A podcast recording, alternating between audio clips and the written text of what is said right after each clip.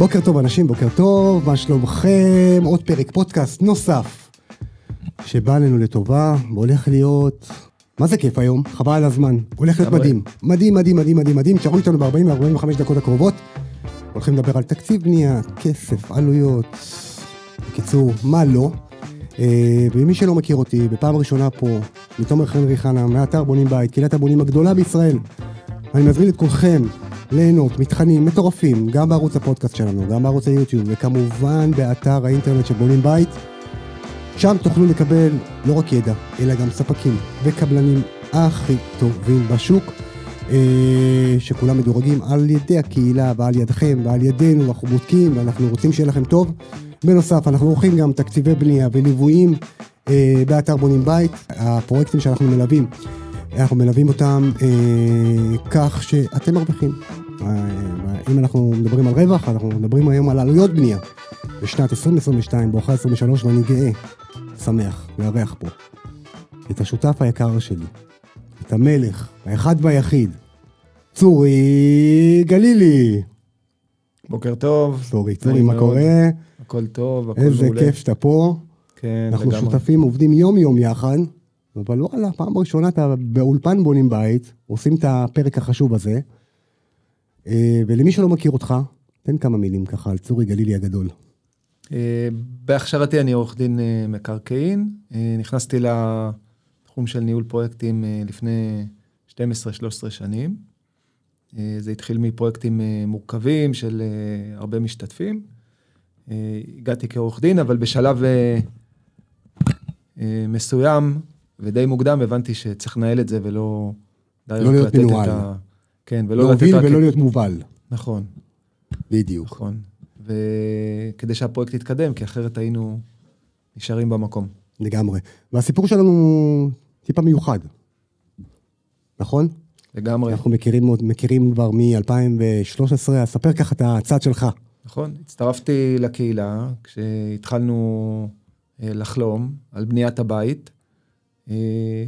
הכרתי אותך, הכרתי את החבר'ה בקבוצות אה, וואטסאפ, הרגשתי שזה המקום הנכון לקבל בו ידע, התחברתי מאוד לגישה ולערך המטורף שהקהילה נותנת. אה, ובשלב מסוים אה, איך הכרת? אשתך באה ואמרה לך, צורי, כן, יש איזה משהו, בונים בית, יש איזה כן, תימני כן. שם שמסביר בנייה. כן, ואני, קפץ לי, זה עוד איזה מישהו שרוצה לעשות עלינו קופה, ובשלב מסוים הבנתי שנכון להקשיב לה, ו... וזה שאב אותי. לגמרי. התמכרתי. ובנית בחולון לפני המון המון שנים. נכון. בית אה, גדול, נכון? מרתף, שתי קומות. מרתף, אה, קומת כניסה, קומה ראשונה, שזה חדרי מגורים של הילדים, אה, וגם אה, קומה על הגג, ארבע קומות. וככה הכרנו. אני מכיר אותך ב-2014, נכון. ולימים ב-2018, 2019, אה, החלטנו אני וצורי להתחבר, להיות שותפים. אה, ו- ומאז אני חייב לציין, כיף לי, באמת, וכיף גדול, ששנינו חולקים את אותו חזון, באמת, חזון של לעזור לבונים ולמשפצים בארץ, להתחיל ולסיים את הבית שלהם בהצלחה. ענף הבנייה הוא רווי אינטרסים, ולא לעיתים האינטרסים האלה הם בצד של הבונה, ואתה מכיר את זה, ואני מכיר את זה, ואנחנו פה כדי לעזור להם. אה, ווואלה, כיף גדול, זה הזמן לפרגן לך, כן. באמת. אה, אנחנו כמה שנים ביחד ועושים דרך משותפת מדהימה. ואתה היום בבונים בית, לא רק שאתה מנכ"ל, אתה גם מוביל מקצועי של כל הנושא הזה של הליוויים והתקציבים שלנו בבונים בית. אנחנו עושים המון המון תקציבים, ואתה מלווה את זה כבר שנים רבות. תשמע, העלויות קפצו, סורי, מה יהיה? כן. גם הריבית קפצה השבוע. כן, נכון, נכון, ו... אגב, אני מוסיף עוד מילה, אתה מעברך גם אה, ניהלת פרויקטים גדולים, רוויי משתתפים, מה שנקרא, בתחום הרוויה, אה, אז אתה בא עם רקע מאוד טוב בניהול פרויקטים. נכון, החיבור לבונים בית, הוא פגש אותי בעצם במקומות האלה, גם של... בעצם אני מרגיש שב... אה, בתפקיד, בחלק שלי בבונים בית, אני לגמרי מגשים את עצמי, גם מהמקום המשפטי, גם מהמקום הניהולי, פרויקטיאלי, גם מהמקום של לייעץ ולהדריך ולסייע ולכוון אנשים. אה, בפרויקט בנייה קל מאוד ללכת לאיבוד. העסק מורכב מאוד, והרבה משימות ומורכבות, ואנחנו גם אמוציונליים פה בתוך כל הסיפור הזה. לגמרי. ולכן אה, צריך את ההכוונה וצריך את המצפן, ואני מרגיש שהפוזיציה הזאת, אה, המקום הזה מאוד מאוד נוח לי. אז בוא נדבר ככה על תהליך הבנייה ועלויות הבנייה, אה, וגם על טעויות שבונים עושים. במהלך הדרך ראית לא מעט. כשבונה נכנס לתהליך בנייה וקנה שטח, ואתה עורך דין מקרקעין, אז אתה מכיר את כל הנושא הזה טוב, קנה שטח והולך לבחור אדריכל, ואנשים באים ואומרים, מה, מה אני עושה עכשיו? כאילו, איך אני ניגש? כי אם פעם, מה שאני הבנתי, כשהתחלתי לבנות, בסדר, באים, לוקחים הצעות מחיר, יאללה, מתחילים לבנות, כאילו, מה, מה הסיפור? אבל זה לא כך. אפשר להגיד שהטעות הכי אה, כבדה זה בעצם להיכנס לפרויקט בנייה בלי הבנה, או הבנה שמבוססת על אינטואיציה. אה, זו תכלס הטעות הכי משמעותית. להיכנס לפרויקט בנייה בלי תקציב ובלי סדר יום, אה, זה מתכון לכישלון. למה? ממש. כי אני ניגש לאדריכל, הוא מתכנן לי את הבית, מה, כאילו... כן, אנחנו פוגשים בעצם, בונים גם בשלב של אה, לקבל החלטה של go no go לפרויקט, כי שוב, להתבסס על אינטואיציה ועל שמועה לגבי מה המשמעות של זה והעלויות וכולי, זה דבר לא נכון. ו... בעלי המקצוע השונים, כן, גם עורך דין מהכיוון המשפטי, גם אדריכל מהכיוון התכנוני-אדריכלי, אה, לא אה, יודעים, אנחנו מדברים על 99 אחוז, לא יודעים לתת את המענה בנושא של ההיערכות התקציבית. זה תכלס הנושא הכי כבד והכי אה, הכי קריטי. אה, אבל איך אני עושה תקציב אם אני כרגע יש לי דירה, ואני רוצה לקנות שטח, אנחנו מקבלים הרבה שיחות כאלה. שאני רוצה לקנות שטח, ואני לא יודע כאילו אם המכירה של הדירה שלי תספיק לקנייה של שטח כן. ובנייה של בית. זה קצת ביצה ותרנגולת, כי איך, איך אני מתנהל כן. פה? אז uh, בדיוק, בשלב שבו אין עדיין תכנון, אנחנו מדברים על שלב uh, טרום רכישה, או, או קצת אחרי הרכישה, uh, לפני התכנון עצמו, אנחנו כן נדע לתת את ההערכה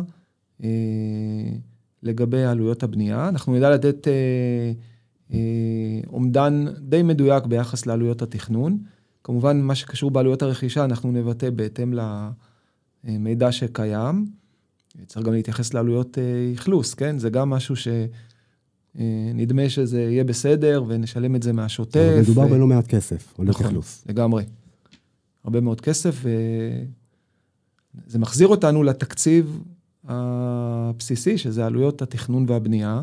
זה החלק הכבד. גם בתוך התקציב יש עוגנים, בסדר? אני יכול להחליט לרווח, להשקיע יותר בעריכים, להשקיע יותר ב, אה, בנגרות המטבח. אני צריך להבין את העלויות ביחס לעלויות, ה... ביחס לחלקים הבסיסיים, העוגנים ה... של הבנייה בעצם.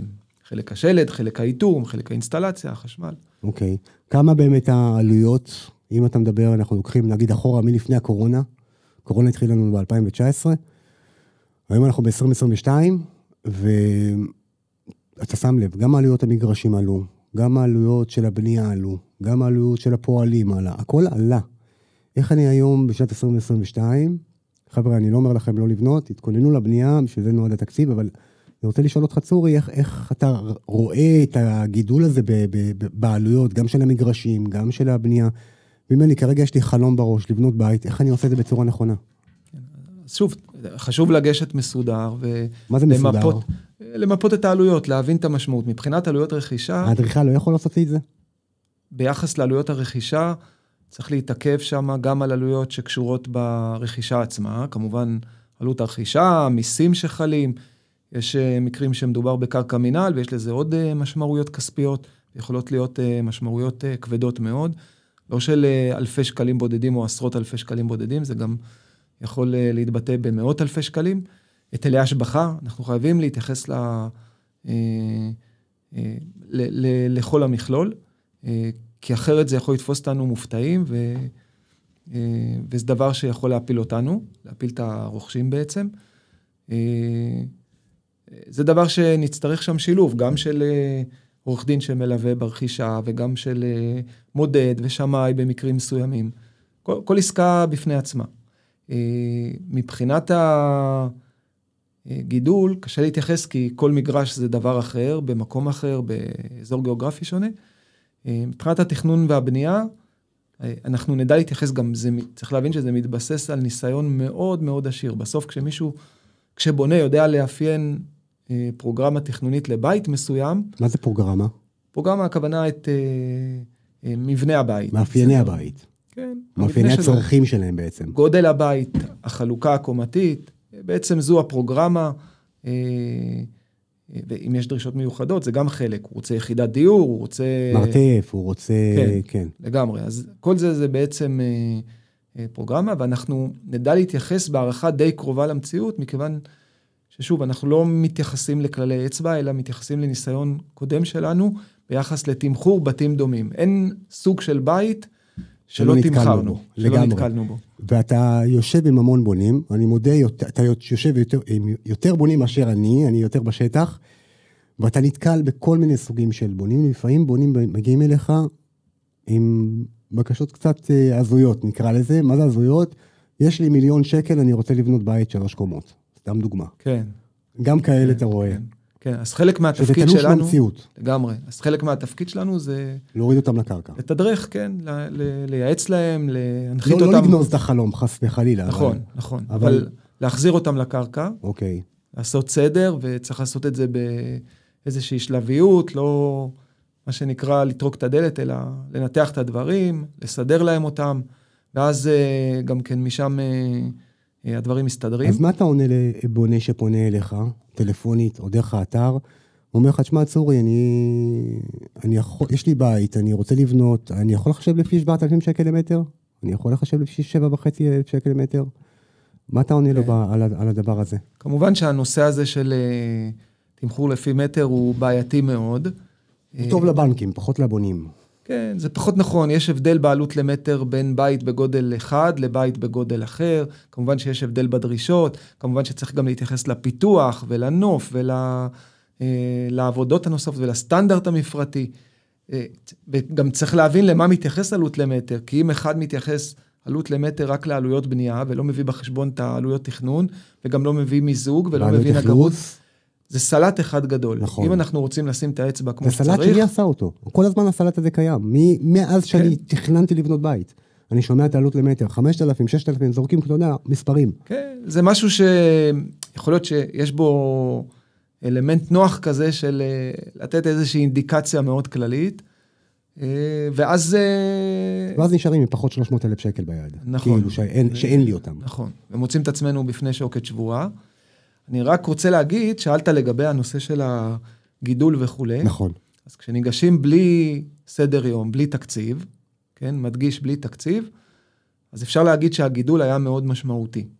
ואני אסביר תכף למה. אוקיי.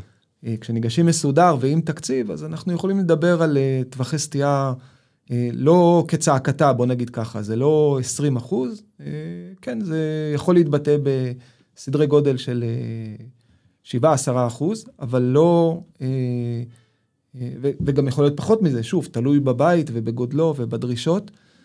אה, מה שקורה זה שבונים, כשמגיעים בלי תקציב, אז, והקבלנים מהצד השני אומרים להם, אתם יודעים, היו עליות מחירים, הבונים עצמם מגלים אמפתיה, כן, נכון, והם מודעים, משתפים פעולה עם, ה, עם, עם ההפחדה הזאת, כן, עם נכון. ה, ש, שחלק ממנה כמובן לא מוגזמת. אה, ולכן חייבים לבוא עם, ה, עם המצפן הזה, עם ה-Waze הזה. התקציב הוא תכלס אה, ה-Waze של כל בונה ובונה לפרויקט. אה, וחשוב מאוד להבין את המטרה של התקציב, את המטרות של התקציב. מה המטרות של התקציב? בדיוק, אז ה... יש בעצם... זה לדעת כמה עולה לי הבית. כן, יש המון מטרות, יש הרבה okay. אוקיי. מאוד ערך בקובץ תקציב, הוא נותן אה, אה, מידע רב ומסייע לנו, הוא כלי מאוד אה, רחב, אבל אם לצמצם את זה לשלוש מטרות אה, עיקריות, אז אנחנו מדברים על המטרה המאוד בסיסית של להבין למה אנחנו נכנסים מבחינת העלות, כמה יעלה לנו לבנות. אוקיי. כלומר, להבין את המסגרת תכלס. התקציב, כן? מה המשמעות מבחינה תקציבית, זו מטרה אחת. כולל מע"מ או לא כולל מע"מ? אה, כן, שאלה חשוב טובה. להבין את זה לגמרי, כן. אוקיי. וה, והדבר השני, המטרה הנוספת, זה, זה שיש תקציב מצוין, עכשיו גם צריך לקיים מעקב ובקרה, אה, והקובץ מסייע לנו בזה, אנחנו רוצים לראות, חרגנו בשלד, אז אנחנו עכשיו נאזן את זה בפרק האינסטלציה, או בחלק של הבחירות של העריכים. אה, אז זה, זו מטרה שנייה.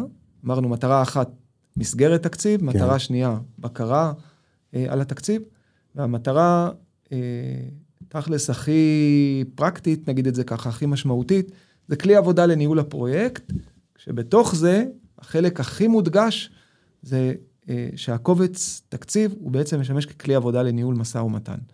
זאת אומרת, אני רוצה לדעת, כשאני נכנס למשא ומתן, עם מתכנן, עם בעל מקצוע, עם יועץ, עם קבלן, עם ספק, אני רוצה להיות מסוגל להגדיר תקציב. וזו מניסיוננו הרב, אנחנו שאנחנו עושים, אה, אה, מנהלים הרבה מאוד פרויקטים, לא רק מבצעים תקציב, אלא גם מנהלים בעצמנו פרויקטים, גם פרויקטים של אה, בונים פרטיים, וגם קבוצות. פרטנית, וגם קבוצות.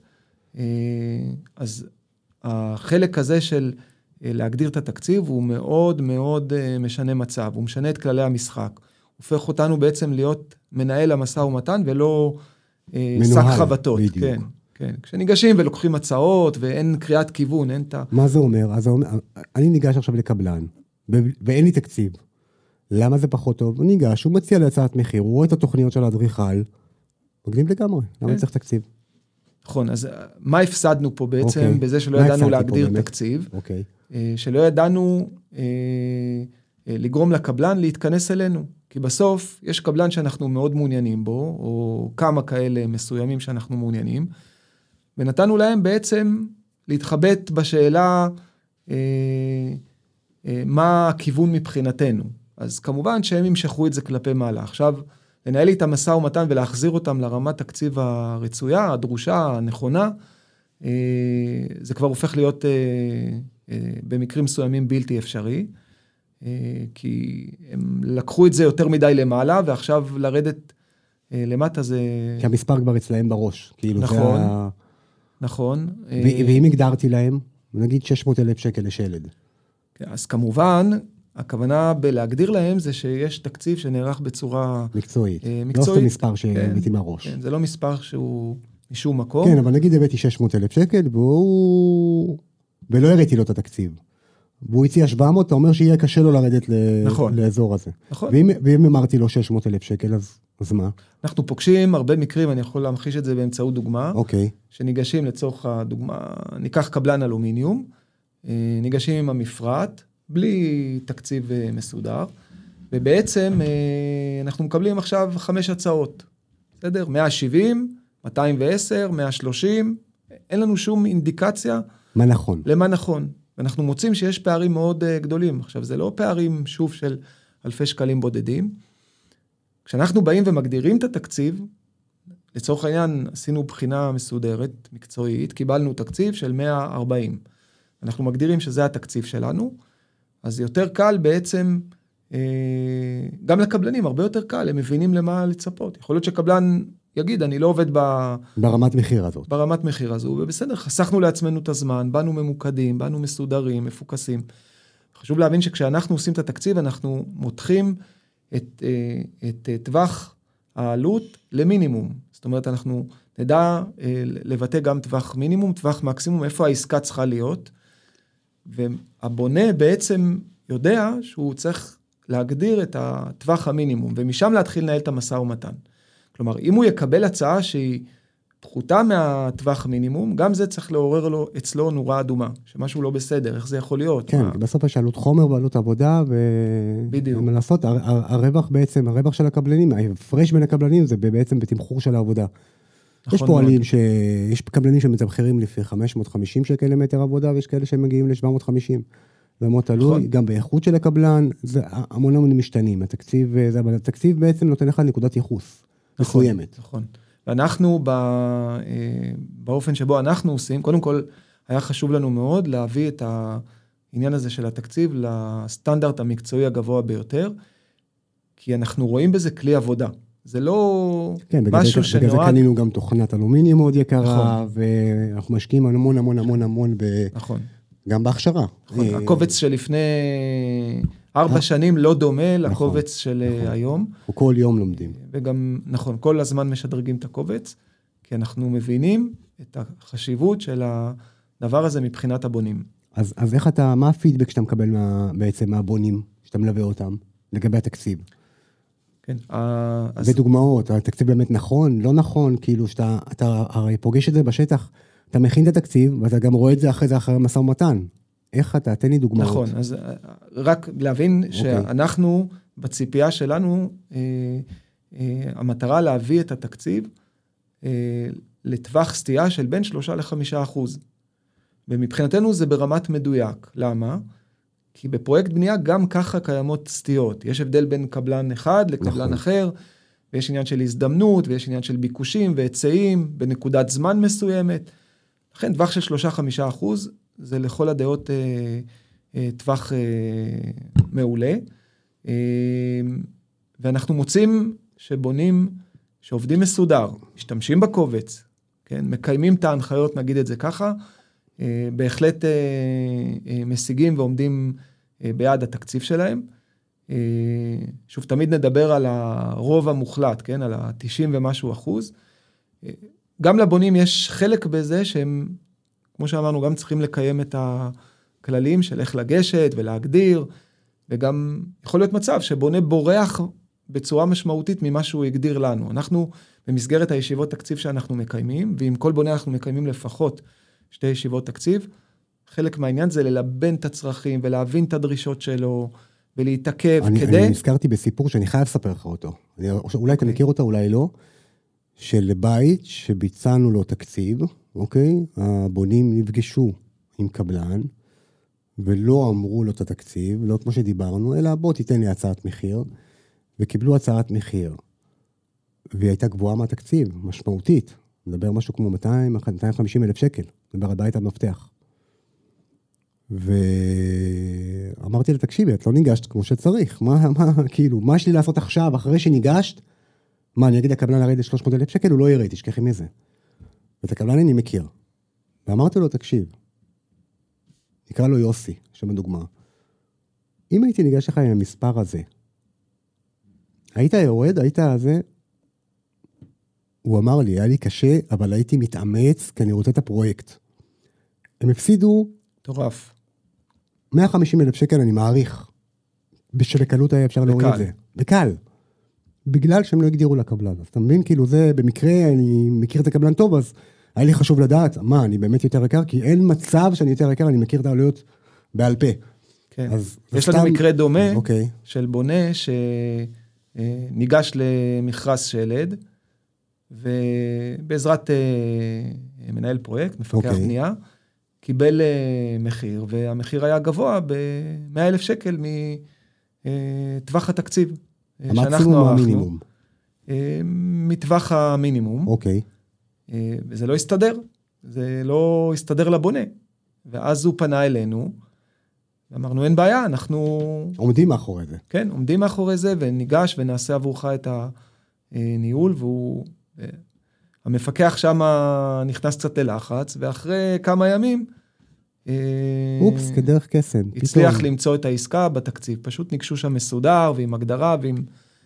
שצריך לעמוד בתקציב, וזה יתכנס שם לתוך מסגרת התקציב. ויש הרבה מקרים כאלו, פשוט לעבוד נכון עם התקציב, להתעקש על התקציב, אה, ואפשר להשיג את זה. מה העלויות בעצם הכי גדולות היום בתהליך הבנייה? כשאני מתחיל עכשיו לבנות, האם אדריכל זה עלות הכי רצינית? האם המע"מ? אולי אלומיניום? מה, מה, מה, איך אתה רואה את זה? כן. אה, קודם כל, התכנון אה, מהווה סדר גודל של כעשרה אחוז מסך כל עלויות התכנון והבנייה, אני אומר, כעשרה ש- אחוז. אתה מדבר איתי על שלב התכנון? שלב התכנון כולו, לא. אדריכל.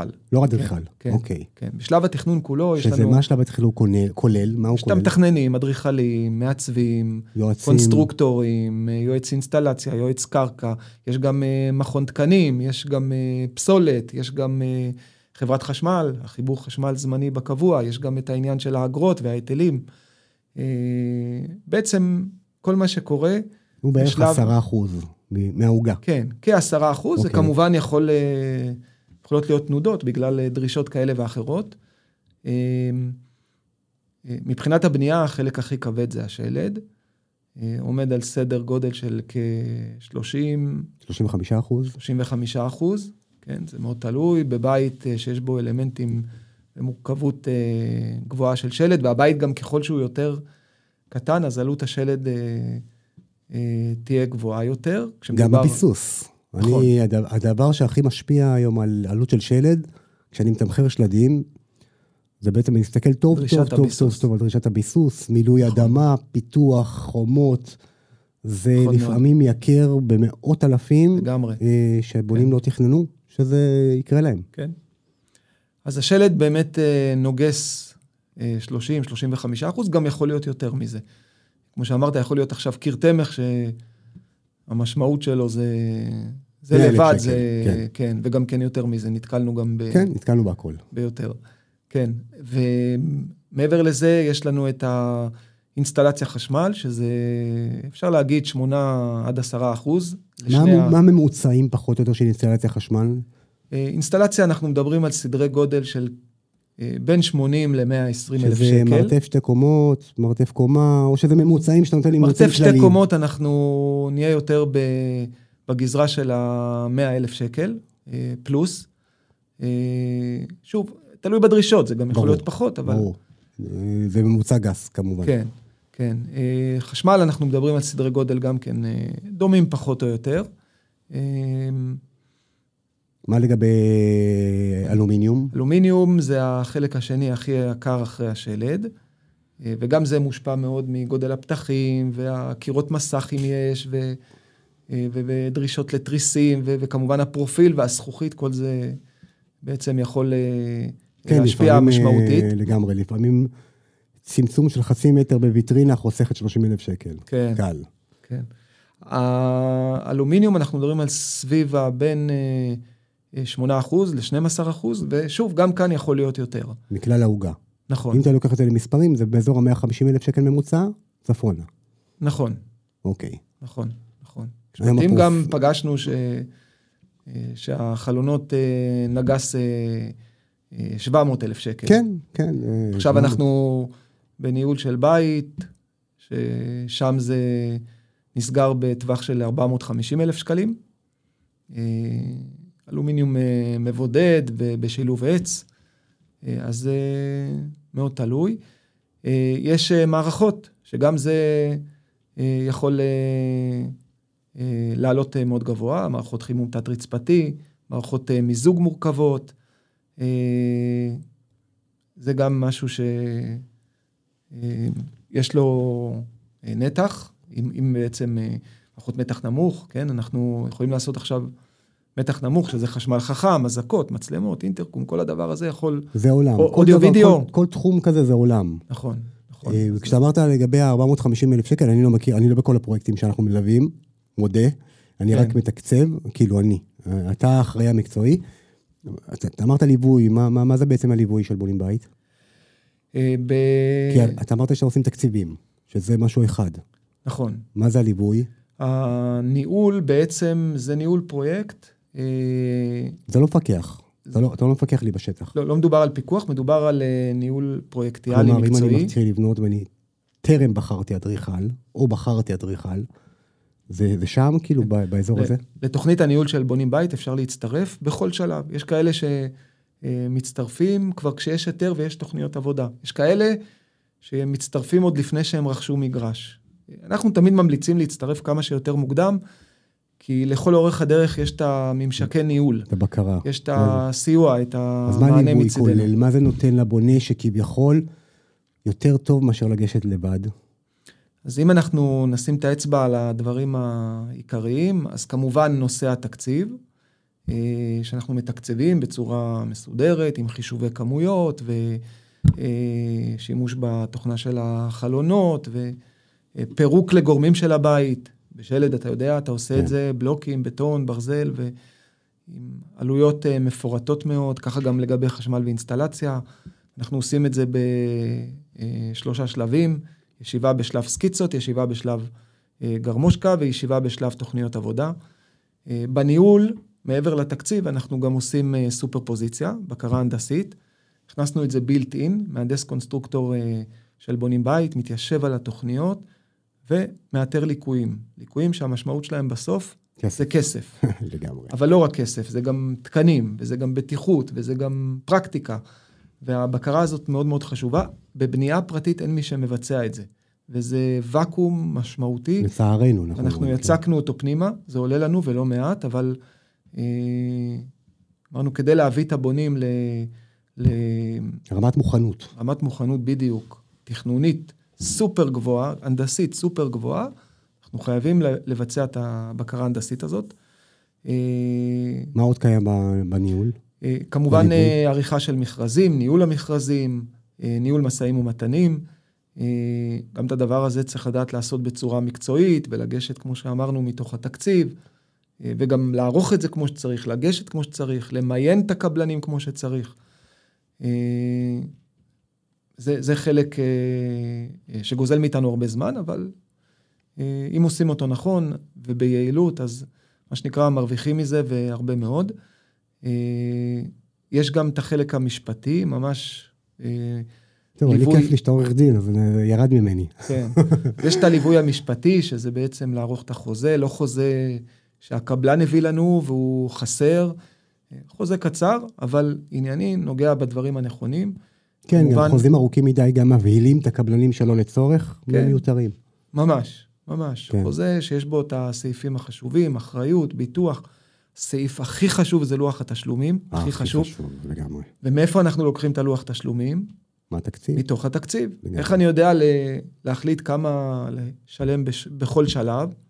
יש לי תקציב, אני לא הולך לאיבוד. כן, לא... הקבלן רוצה, הקבלן שלד רוצה ממני 150 אלף שקל לשלב הביסוס. האם זה נכון או לא נכון? נכון. אולי מגיע לו רק 70. נכון, נכון. אני לא רוצה לייצר חוסר מוטיבציה גם לקבלן, נכון. שהוא פגש את כל הרווח שלו בשלב השלד. בדיוק. ומה שייתן לנו את האינדיקציה ואת ההבנה, זה השלביות, התקצוב לפי שלבים. וזה מה שאנחנו עושים במסגרת התקציב. אה, אז יש גם חוזה שאנחנו עורכים, ממש אה, מלווים את זה משפטית, משא ומתן משפטי לגמרי, וגם אה, עריכת מפרטי ביצוע, מאוד חשוב, לא מספיק התוכניות ולא מספיק התקצוב ו, אה, וכל מה שיש אה, מסביב, אלא גם מגדירים את אופן היישום, מגדירים חומרים, וזה המפרט בעצם אה, נותן לנו. חוות דעת שנייה? כן, יש עוד כל מיני ייעוצים שהכנסנו כמו ייעוץ מומחה בנושא חלונות, שזה אתה, וזה ערך גדול מאוד בשביל הבונים, ש... אין להם מי שזה, הם צריכים להסתובב בין אולמות תצוגה ולהחליט על כן, ה... כן, גם הרמות קבלנים משתנות, רמות החומרים משתנות, המפרטים נכון. משתנים, זה עולם, אני משתדל לעזור להם כמה שיותר. אה, וגם אם אני לא מכיר הכל, ואני לא, אתה יודע, אף אחד לא מכיר הכל, אני יודע מאיפה לשאוב את המידע, אנחנו בקשר עם כל היצרנים הכי גדולים בארץ, אז, אז שם, שם אין לנו בעיה. לגמרי. אה... והכי חשוב, זה לחבר בין המפרט חלונות לתקציב. נכון. נכון. זה, זה החלק המאוד כבד פה בסיפור. לגמרי. אה, כי זה שאדריכל תכנן אה, אה, מפתחים גדולים, או אה, חלונות מסוג מסוים, ובסוף זה לא פוגש את התקציב, אז מה עשינו בזה? ובסוף אה, צריך לחבר, ולכן הכנסנו את זה פנימה, את הייעוץ המאוד מאוד חשוב הזה. יש גם ייעוץ הנדסי בנושא המיזוג, אה, גם חשוב וגם אין פה מענה. בדרך כלל יועצי מיזוג נמצאים ב... בבנייה הרוויה והציבורית או מסחרית, לא בבנייה פרטית. יועץ בבנייה פרטית ייתן מענה overkilling, נקרא, נקרא לזה ככה. בית פרטי זה הרבה יותר פשוט מזה. יש עוד חוות דעת תכנונית, ייעוץ של אדריכלית, מעצבת פנים, מטעמנו. בעצם אתה עוטף את הבונה מכל הכיוונים. לגמרי, עוטף לא, אותו. לא יצא לי לשאול אותך. כן. אנחנו עובדים, אתה יודע, אנחנו כולם באטרף של הבנייה. אתה נהנה מהדבר הזה שנקרא ליווי ממשפחות, מאוד. ליווי קבוצות? מאוד, מאוד. אני ברמה האישית, אה, אה, אמרתי את זה בהתחלה, אני אני רואה מגשים אותך את כל עצמי. היום עמוס עם טלפונים, ואתה מדבר עם זה ומדבר עם זה ומתקשרים כן, אליך. ויש גם בעיות, מה לעשות, זה לא בית מרקחת. נכון, וזה, והרבה פעמים פותרים את הבעיה רק בנינוחות ובסבלנות וזה הכל. הרבה בונים אנחנו מוצאים שהם אה, בטראומות ובהיתקלויות סתם. על כלום, כן, על שום דבר, על כן. שיח חרשים. כן. זה מרגיש את הכבוד שלו והאגו מהצד. ו- כן, זה גם משהו שאנחנו עושים, והוא מביא ערך מאוד משמעותי בניהול. אה, אנחנו בעיקר אה, מרגישים את החיכוך בתחילת התהליך, בתחילת הפרויקט. כולם לחוצים ככה. כולם ממש. לחוצים, כולם מתרגשים, בעיקר הבונים. בעיקר, כן. זה החלום שלהם. נכון. עכשיו, מה... זה, זה נראה שהבטון לא ישר, ו... אז שם יש יותר, אה, ככה, נגיד סף החרדה הוא הרבה יותר אה, גבוה. אה, ואנחנו שמה, ולכל אורך הדרך. ברמה האישית אני... זה, זה מרגיש שזה הייעוד שלי.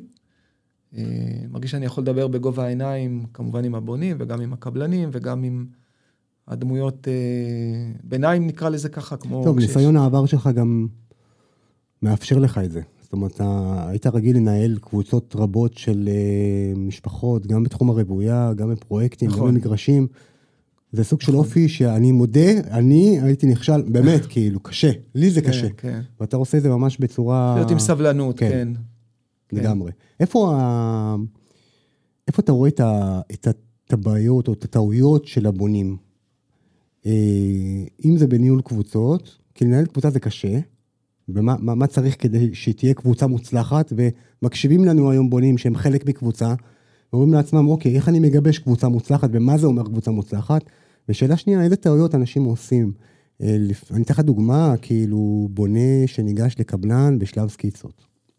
מה זה נותן? כאילו, כן. סתם לדבר איתו. לגמרי. אז איזה, איזה טעויות אתה רואה? אבל בוא נתחיל עם הקבוצות. מה עושה נגיד קבוצה, אם בונה עכשיו מקשיב, הוא אומר, אני חלק מקבוצה, יש לי הרחבה, אני רוצה, אני בא כקבוצה, הם חושבים שזה מוזיל לקבלנים 50% חברים, זה לא מוזיל ל-50%. אה, זה יכול לעזור בעניין של הוזלה של משאפות, ומגיעים לזה, וביועץ קרקע שמביא קודח אחד, אבל, אבל מה עושה קבוצה לקבוצה מוצלחת? כן. החיסכון בקבוצה משמעותי מאוד, לא 50 אחוז, כן. אבל אה, אבל יש חיסכון. מאוד משמעותי. אבל אה, בתנאי שיש ניהול, לא סתם לגשת ולראות. נכון. אה, לנו אה, יש, אפשר להגיד, אה, את כל הסוגים של הקבוצות בניהול, גם קבוצות הומוגניות, שיש מנהלת ויש דגמים ויש כמו קבלן, אה, ויש גם קבוצות אה, שכל בית זה דבר אחר, אה, ואין קשר בין המשתתפים, כלומר אין קשר, אה, אלא בעצם יש פה התחברות לצורך הקבוצה. מה שמכריע מאוד בשביל שקבוצה תהיה אה, מוצלחת, זה נציגות אה, עניינית. הרכב הקבוצה צריך להיות אנשים שבאים, מה שנקרא... כמה אנשים, נגיד, היית מחבר כקבוצה, ואתה אומר, חבר'ה, זה, זה, זה, אל תתפזרו, אל תהיו מאה, זה מיותר. כן. כמה לדעתך, ככה, הכמות האופטימלית, נקרא לזה. קבוצה, הייתי אומר, בין אה, אה, שבעה, שמונה ל... עשרים, שלושים, זו קבוצה שיש בה היגיון. אבל בתנאי שיש, זאת אומרת, שמה, שבדינמיקה יש אמון אחד בשני? אה, כאילו? יש, יש קבוצות גם גדולות יותר, שגם אנחנו מנהלים קבוצות גדולות יותר, אבל שם יש איזושהי מינהלת, זה באמת אה, משהו יותר אה, מאורגן. כשמדובר אוקיי. על, אה, הכוונה בין שבעה ל-20-30 זה כשהקבוצה לא הומוגנית. כן.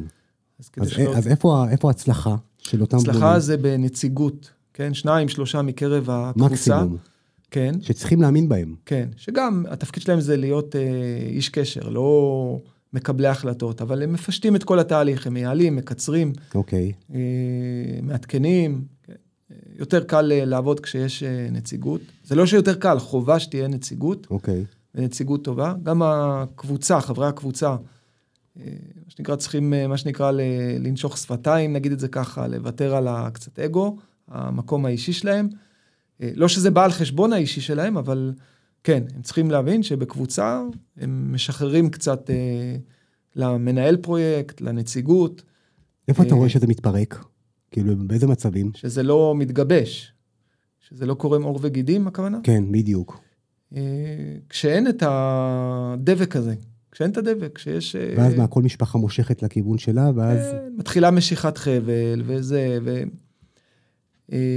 זה גם מתחבר לאיפה בונים עושים טעויות. אוקיי. בונים, יש להם איזושהי... מסוימים, כן? כן, לפעמים ברור. יש הבנה שהקבלן הוא... הקבלן או בעל המקצוע הוא עובד שלהם. מתייחסים אליו באיזשהו... ככה בנימה של אה, אתה חייב לי, של קצת חוסר הערכה, ויש אה, בעלי מקצוע שראויים לזה, אבל, אה, אבל כשזה, כשזאת הגישה, אז קשה מאוד אה, איך זה בא לרתום. לידי ביטוי, כאילו? איך אתה רואה את זה בא לידי ביטוי? תן דוגמה. בדיבור, בהתנסחות, ביחס, אה,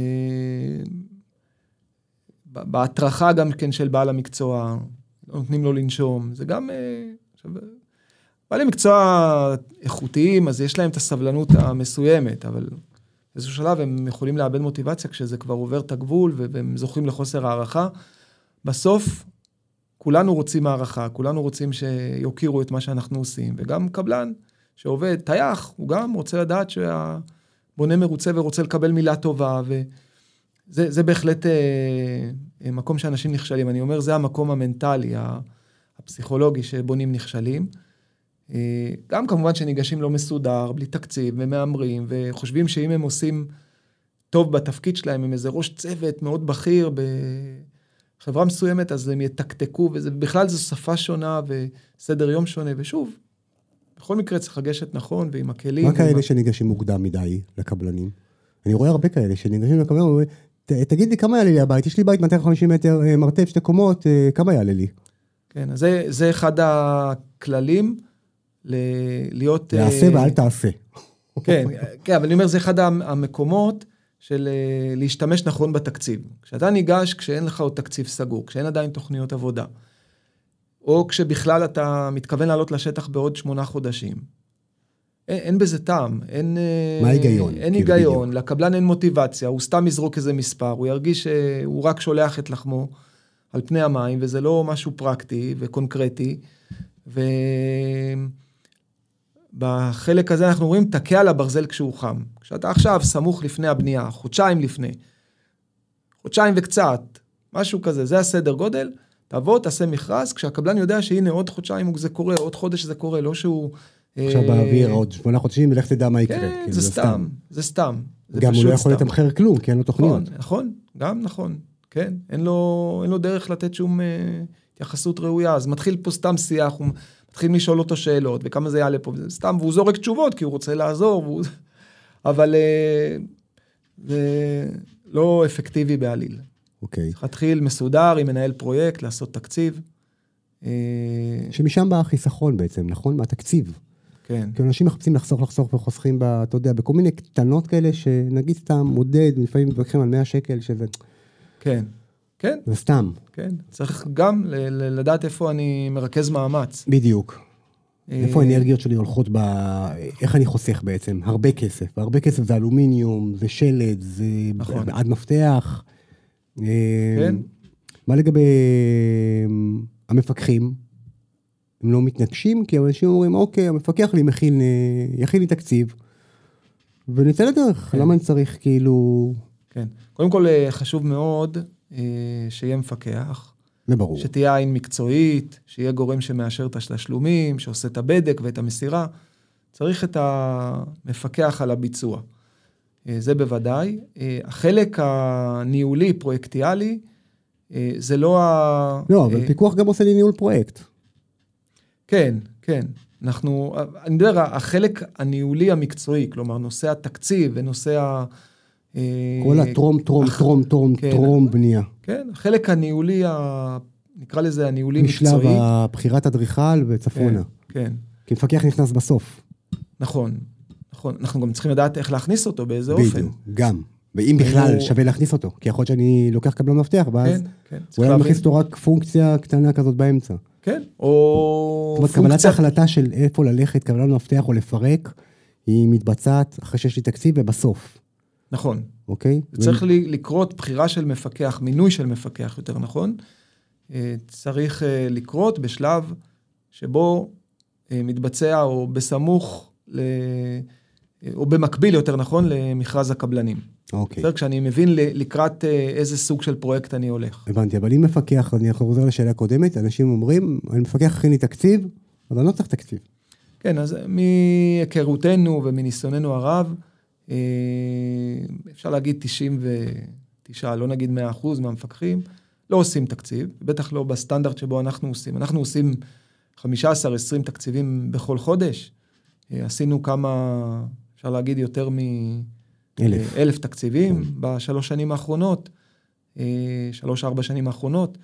אה, אז גם עניין הסטנדרט המקצועי, גם המיומנות והידע והשליטה. ו...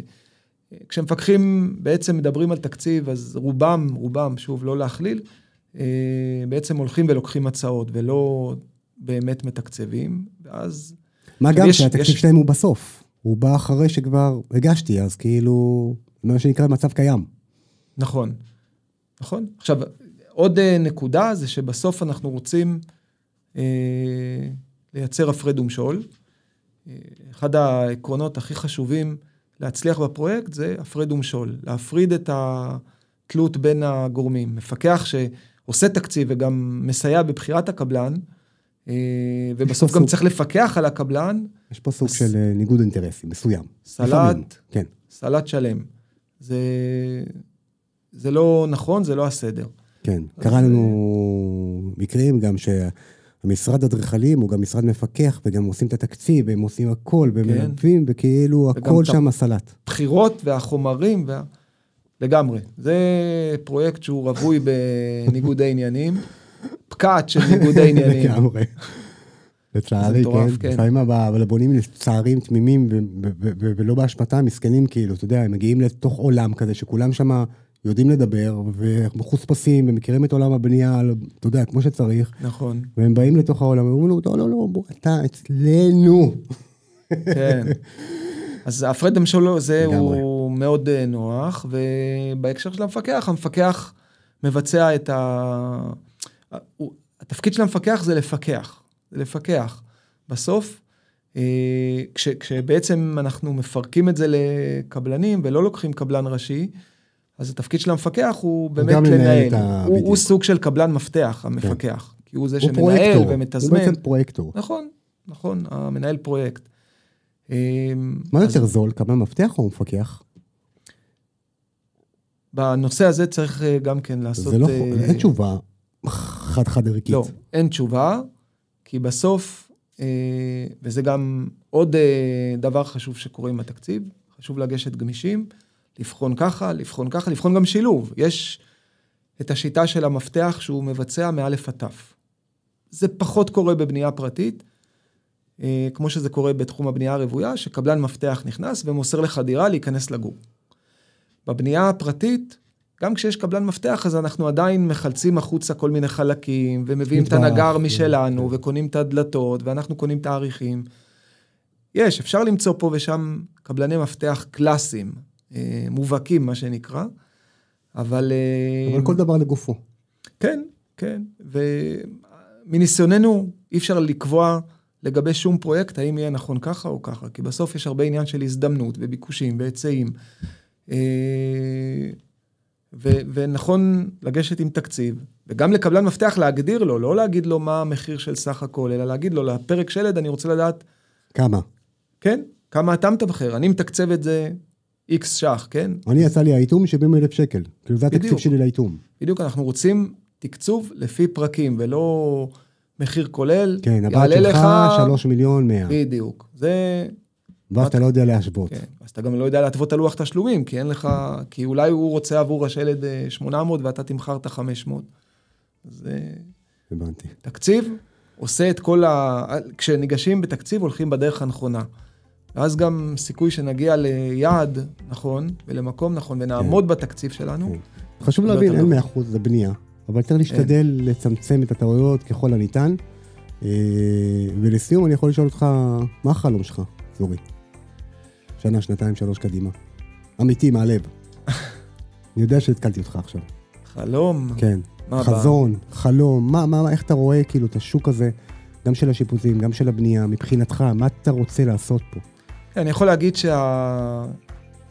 שיש אה, חזון שמתחבר גם עם אה, חלום, אה, גם אישית וגם מקצועית, וזה באמת לייצר מענה הרבה יותר רחב. היום, כשאנחנו עושים את הניהול או את התקציב, זה למשפחה פרטנית.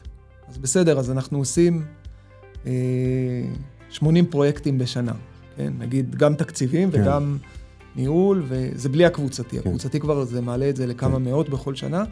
אבל uh, החלום והחזון זה להצליח ל- לייצר פלטפורמה שתיתן יותר כלים ליותר בונים. זה, ה... זה אפשר להגיד... Uh, גם uh, בעלי מקצוע שנבדקו, גם ספקים איכותיים שנמצאים גם היום, אבל לא מספיק, כי קשה מאוד נכון. לבדוק אותם, זה לוקח המון המון זמן, אנשים לא מבינים את ה... מה זה נכון. לבדוק קבלן. נכון, ואני, ואני חוזר אפילו לבסיס, כן, לתקציב. כן, עוד לפני... זה, להיות, שכל בונה, אה, לתת לו את המענה הזה, שיש לו תקציב. לגמרי. יפה, אז אה, כיף גדול. צורי. תודה רבה. אה, מה זה ריגשת? כאילו, כמו שאני כן, אומר, ריגשת בגדול. גם אני התרגשתי גם, זה לא... חברים, מקווה שנהנתם. צורי, תודה רבה. תודה רבה. תמשיך לעשות טוב אין עליך, תומר. אה, עזוב, אני, מה אנחנו עושים? אני סך הכל שליח. לא, אני... אני שואב ממך וזה. תודה רבה. זה לא אני. אנחנו בלי צוות גדול, ואתה יודע, גם של בונים, שמפרגנים ועושים כיף, היה מאוד קשה לעבוד. בונים בקהילה זה... מדהימים. כיף לתת להם, פשוט לגמרי, ככה. לגמרי. פשוט. כי, כי הם במקום שבו אני, אני הייתי בו, במקום שבו אתה היית. נכון, אז נכון. אנחנו, הכי קל לנו לגלות אמפתיה. לגמרי. אז חברים, תודה רבה לכם, אני מאוד נהניתי, ותמשיכו, תבקרו באתר, תבקרו בערוץ, תבקרו בערוץ פודקאסט. ותבואו תעשו תקציב, אם אתם בונים כן. או משפצים, וליווי, אנחנו בשבילכם, תמיד. ביי אנשים. ביי.